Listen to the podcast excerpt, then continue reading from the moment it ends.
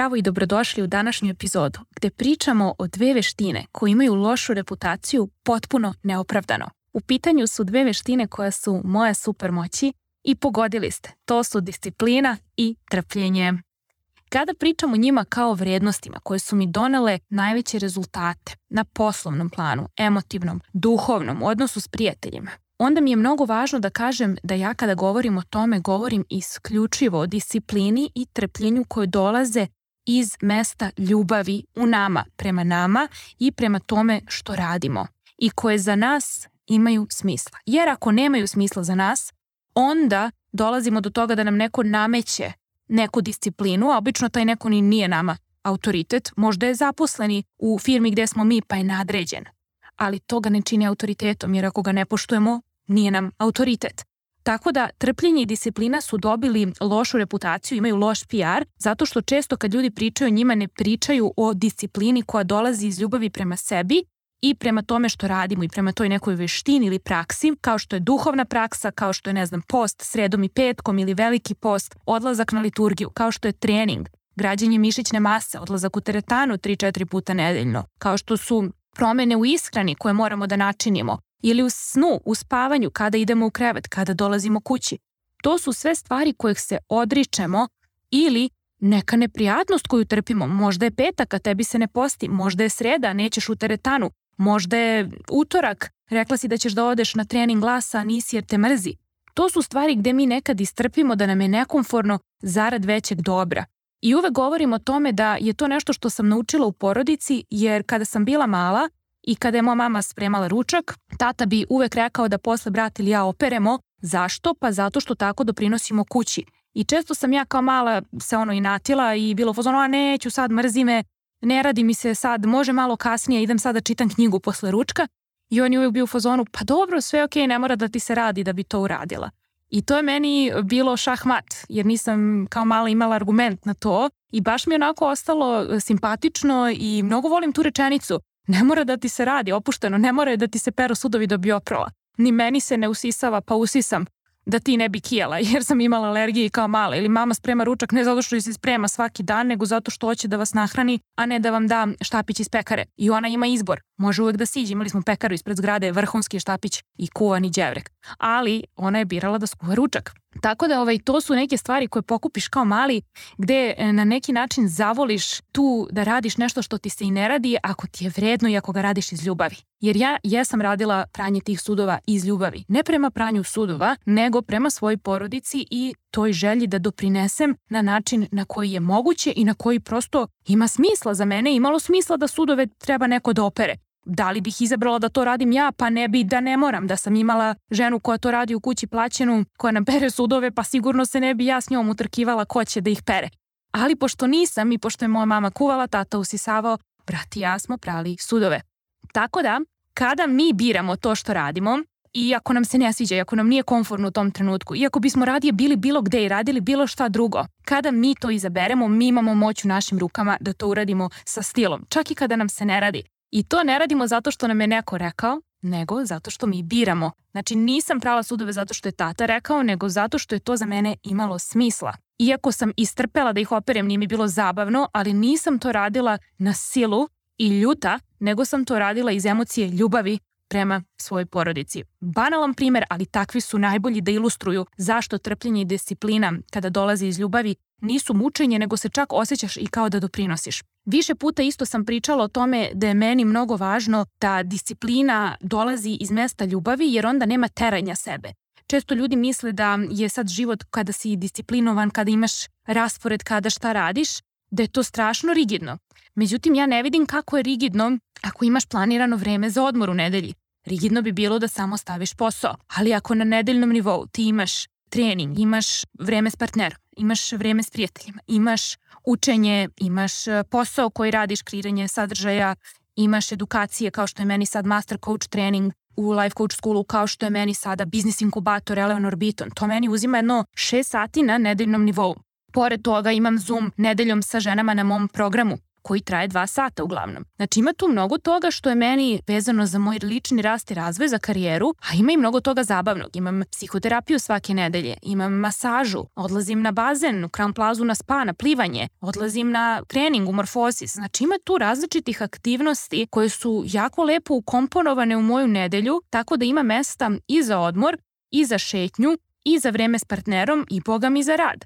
Tako da ne mora to što je raspored napakovan različitim stvarima biti izvor stresa ukoliko si ga napakovao iz ljubavi prema sebi, poslu koji radiš i stvarima koje za tebe imaju smisla. Za tebe ne mora da ima smisla odlazak u teretanu četiri puta nedeljno ili odlazak na bazen ili bilo šta drugo, ali šta za tebe treba da ima smisla? Isključivo ono što je u tvom kalendaru i što si ti stavila tamo. Tako da, biti strog prema sebi, biti disciplinovan, ne znači da mi treba da sebe mučimo. Ne znači da mi treba da budemo savršeni i bezgrešni. Apsolutno ne. Ja stalno govorim o tome da pravim greške na dnevnom nivou, ali, veliko ali, znači da ako dozvoljavam da se greške dese, ako ih tolerišem, ne znači da ću da budem nemarna, lenja i da ću onda da namerno zaobilazim stvari da bi bilo lakše i da onda pravim greške jer znam da ću da ih tolerišem i da neću biti bezobrazna prema sebi. A to je velika razlika.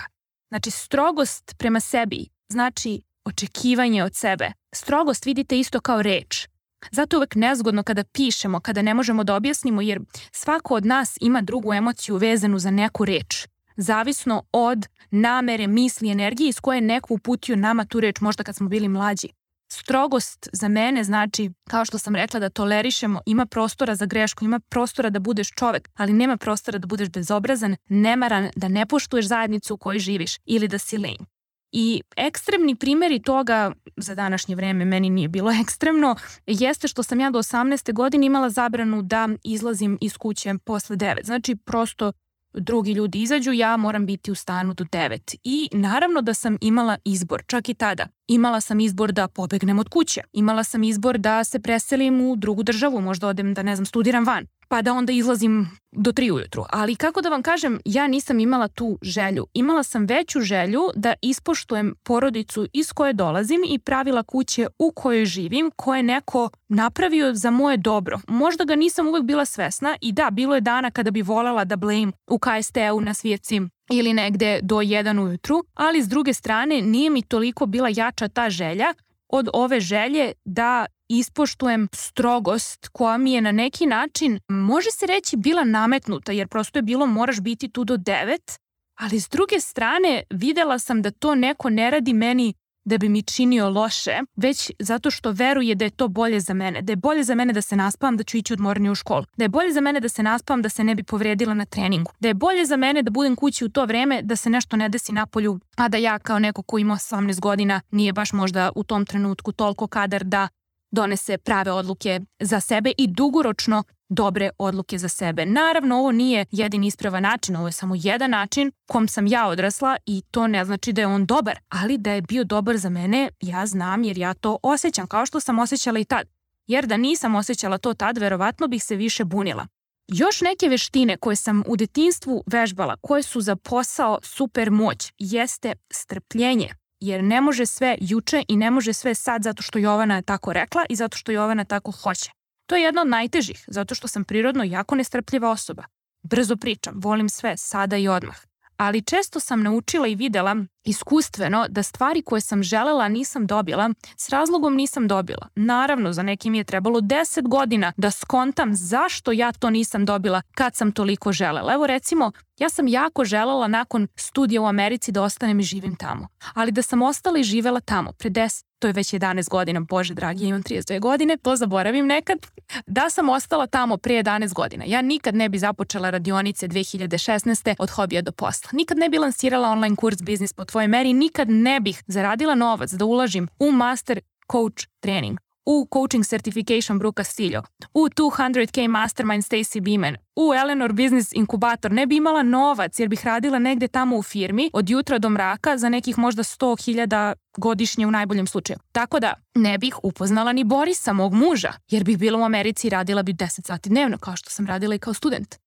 Znači, da sam dobila šta sam htela, ne bih dobila šta mi treba. Tako da spustite loptu, ako ste kao ja, to govorim i sebi stalno, spusti loptu, nisi toliko pametna kao što misliš, postoji veći plan koji ti ne vidiš. Tako da, uradi ono što možeš sada i vidjet ćeš šta će da se desi. Desit će se ono što treba, i oladi. To govorim sebi. Kad tako se zalufam, zašto ovo neće? Evo daću vam još jedan primer. E, pre dve godine smo muž i ja odlučili da odemo na tri godine da živimo u Kanadu kako bismo dobili kanadski pasoš jer volimo da imamo više opcije jer nemamo pojma gde ćemo sve želeti da živimo u budućnosti.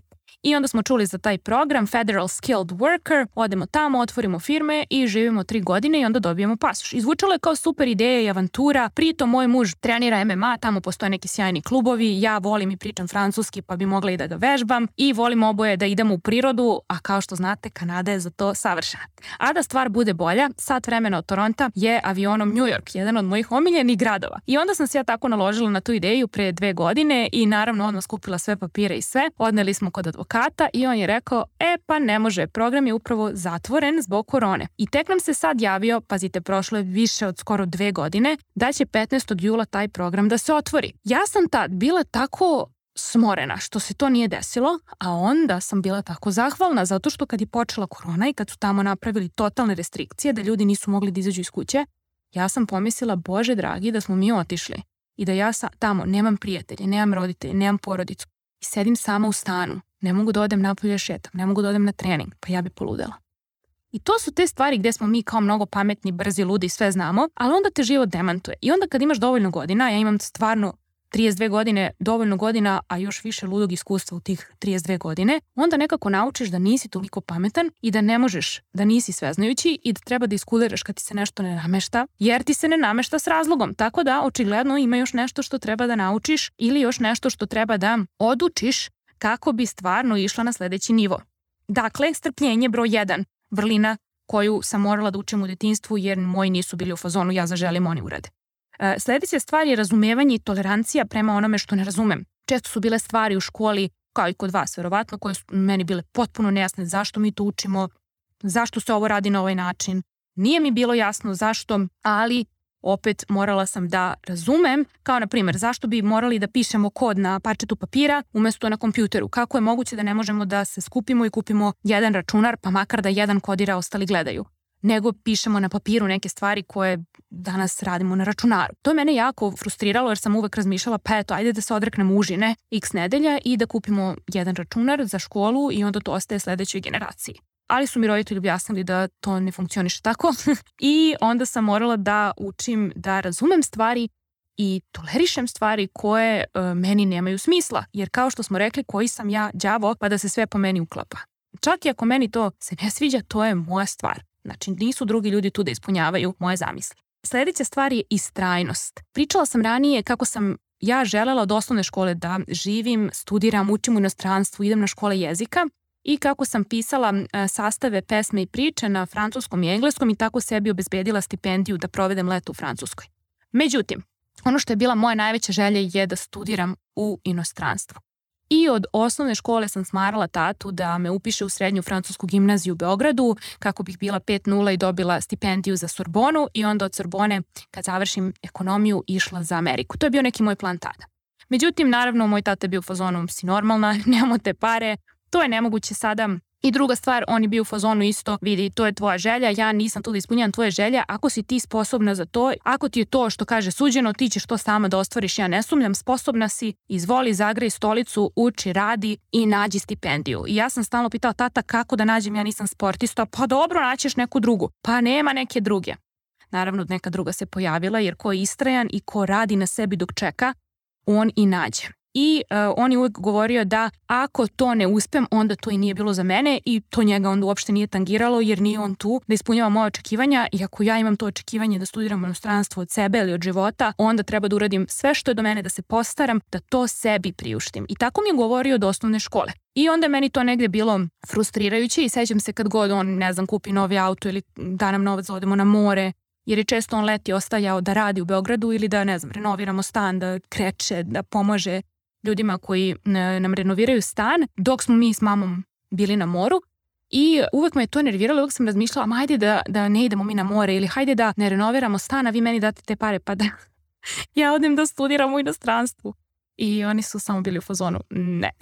Tako da e, to ne je isto doprinelo mojoj istrajnosti i toj mojoj želji da ja to stvarno, stvarno svim srcem i dušom želim i da je za mene najlepša stvar kada putuješ, kada upoznaješ nove kulture, ljude, ukuse, hranu, jezike. Totalno e, se ubaciš u neki drugi film i kao da živiš priče iz knjiga koje sam čitala i to je bio moj san, kažem, od malena. I eto, to sam i ostvarila 2011. Znači, trebalo mi je koliko godina od osnovne škole do 21. godine da ja sebi to priuštim, ah, sebi, priuštim svojim znanjem, naravno ne svojim novcem jer sam bila na toj Fulbright stipendiji undergraduate od godinu dana. Sledeća stvar je e, koju sam naučila i koja je važna za biznis, trpljenje nekomfora, trpljenje nelagode i neizvesnosti. Ovo sam najviše naučila dok mi je mama imala rak debelog creva i bila u bolnici tri meseca i nismo znali da li će preživeti jer su joj otkrili taj rak jako kasno i uspela je da preživi, Bogu hvala, tu je, živa je, zdrava je i ono što je meni tad bilo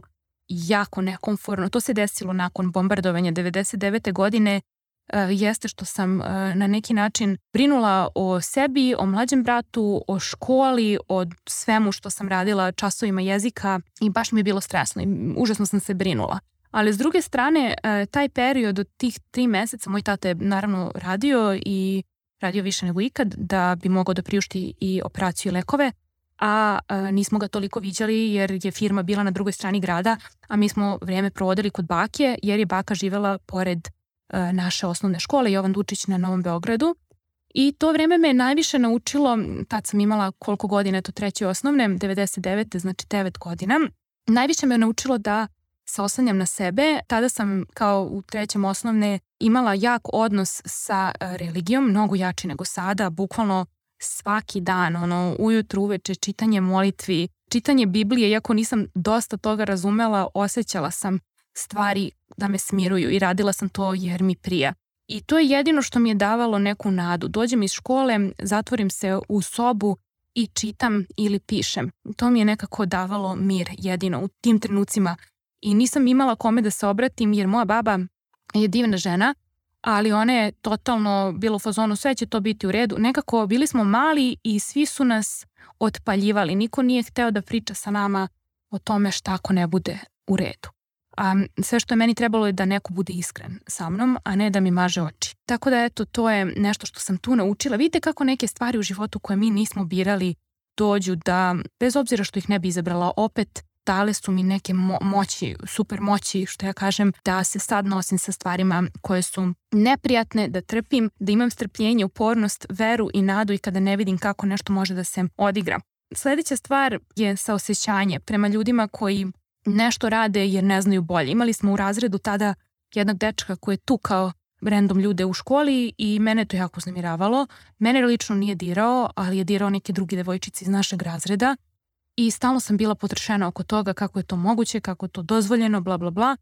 I dok nisam jednog dana razgovarala s roditeljima o tome i oni su mi objasnili da taj dečko, to kako se ponaša je verovatno nešto kako se njegovi roditelji ponašaju prema njemu i da to moram da shvatim i razumem jer nijedno dete tako se ne ponaša prirodno ako to nije kako se neko ponaša prema njemu i ako nije u bolu. Nijedno dete neće da krene u školu i da razmišlja umesto da se igra i raduje i druži o tome da nekog prebije, osim ako to nije jedini način na koji je to dete dobijalo pažnju od roditelja. I to su neke stvari koje su meni bile jako traumatične tada, da čujem i uopšte zamislim da neko živi skroz paralelni život. I to je ono što i danas me fascinira kako mi živimo u zgradi gde zapravo ne poznajemo svoje komšije i gde svi žive paralelne živote. To je nešto što je jezivo u modernom društvu i mislim da se nikad neću navići na to, posebno kada sam živela na zapadu, kad sam živela u Londonu, u, na Kipru, u Limasolu, u Njujorku, da ne spominjem, Montclairu, u New Jerseyu, u Dubaju, Abu Dhabiju, tek tamo. Znači, potpuno različiti jezici, kulture, da ti ne, ne poznaješ ljude koji su ti komšije potpuno ludo. Naravno, poznavala sam ljude koji su mi komšije u zgradi u kojoj sam odrasla kao dete, ali kasnije, kada sam krenula da živim sama od 21. godine, i po inostranstvu nisam imala pojma ko su ti ljudi. Sledeća stvar koja je jako važna jeste da ponovim zašto ove sve veštine rade samo ako nas neko ne tera da ih na silu. Znači ne možemo na silu da nešto tolerišemo, ne možemo na silu nekoga da razumemo. Ne možemo na silu nešto da trpimo. I ne možemo na silu da budemo uporni. Moramo da ovo radimo sa jednog mesta strpljenja prema sebi, prema veštini koju učimo i sa jednog mesta da shvatamo da mi ne znamo sve informacije. Sve što možemo da uradimo je da budemo najbolji što možemo za sebe u ovom trenutku, tako ćemo biti najbolji i za druge. I ako se postaramo da počistimo svoje dvorište, onda ćemo imati vremena da pogledamo i tuđe i damo konstruktivno ako treba da se pomogne nešto, a da damo neki alat, da damo neki savet ili da damo neku biljku ako smo prvo sredili svoje dvorište. I za kraj ove priče, tolerancija na sve neprijatne stvari i tolerancija na trpljenje i na neuspeh i na disciplinu i razumevanje i sve ove veštine u stvari rastu onda kada nam život baca koske. I bacat će nam koske dok smo živi, ne možemo to da zaobiđemo, ali hoću da vam kažem da postoji nešto što je, ne mogu reći nagrada za te životne koske koje nam život baci, ali jeste neka posledica koja je neka vrednost koja ostaje sa nama čak i kada se nemili događaj završio. I kao i rezilijentnost i građenje, rezilijentnost, ne znam koja je srpska reč, ako neko zna nek mi javi na Instagram ili na mail, jer nisam našla srpsku reč, ako kažemo rastegljivost, to nije to, ali rezilijentnost, nošenje sa strahom, nošenje sa neprijatnošću, nošenje sa neuspehom, raste samo jedino ukoliko se izlažemo neuspehu. A čak i ako se kriješ u svojoj kući i ne izlažeš se nekom foru neuspehu, čak i onda te neće zaobići. Zato što neko drugi u tvojoj porodici će se, ne daj Bože, razboleti ili će imati neki stres, tako da ne možeš da živi život u staklenoj kutiji. I staklena kutija nije mesto za ljudsku dušu. Naravno, ne možeš ni da strljaš sad odjednom preko noći da menjaš način na koji živiš, ali možeš malo po malo, korak po korak, kao kad ulaziš u ledeni bazen ili u ledeno more, da ideš korak po korak i da osjećaš koliko si komforna da istrpiš u ovom trenutku. I šta je ono što trpiš i šta je ono što gde si stroga prema sebi, ali iz mesta ljubavi. Eto, završit ću sa tim. Strogost, disciplina, trpljenje nisu riječi na koje treba da ti se diže kosa na glavi, nego su reči koje treba da te podsete da si u stanju da uradiš sve. Ako si u stanju da voliš sebe i da brineš o sebi kao neko ko te mnogo voli.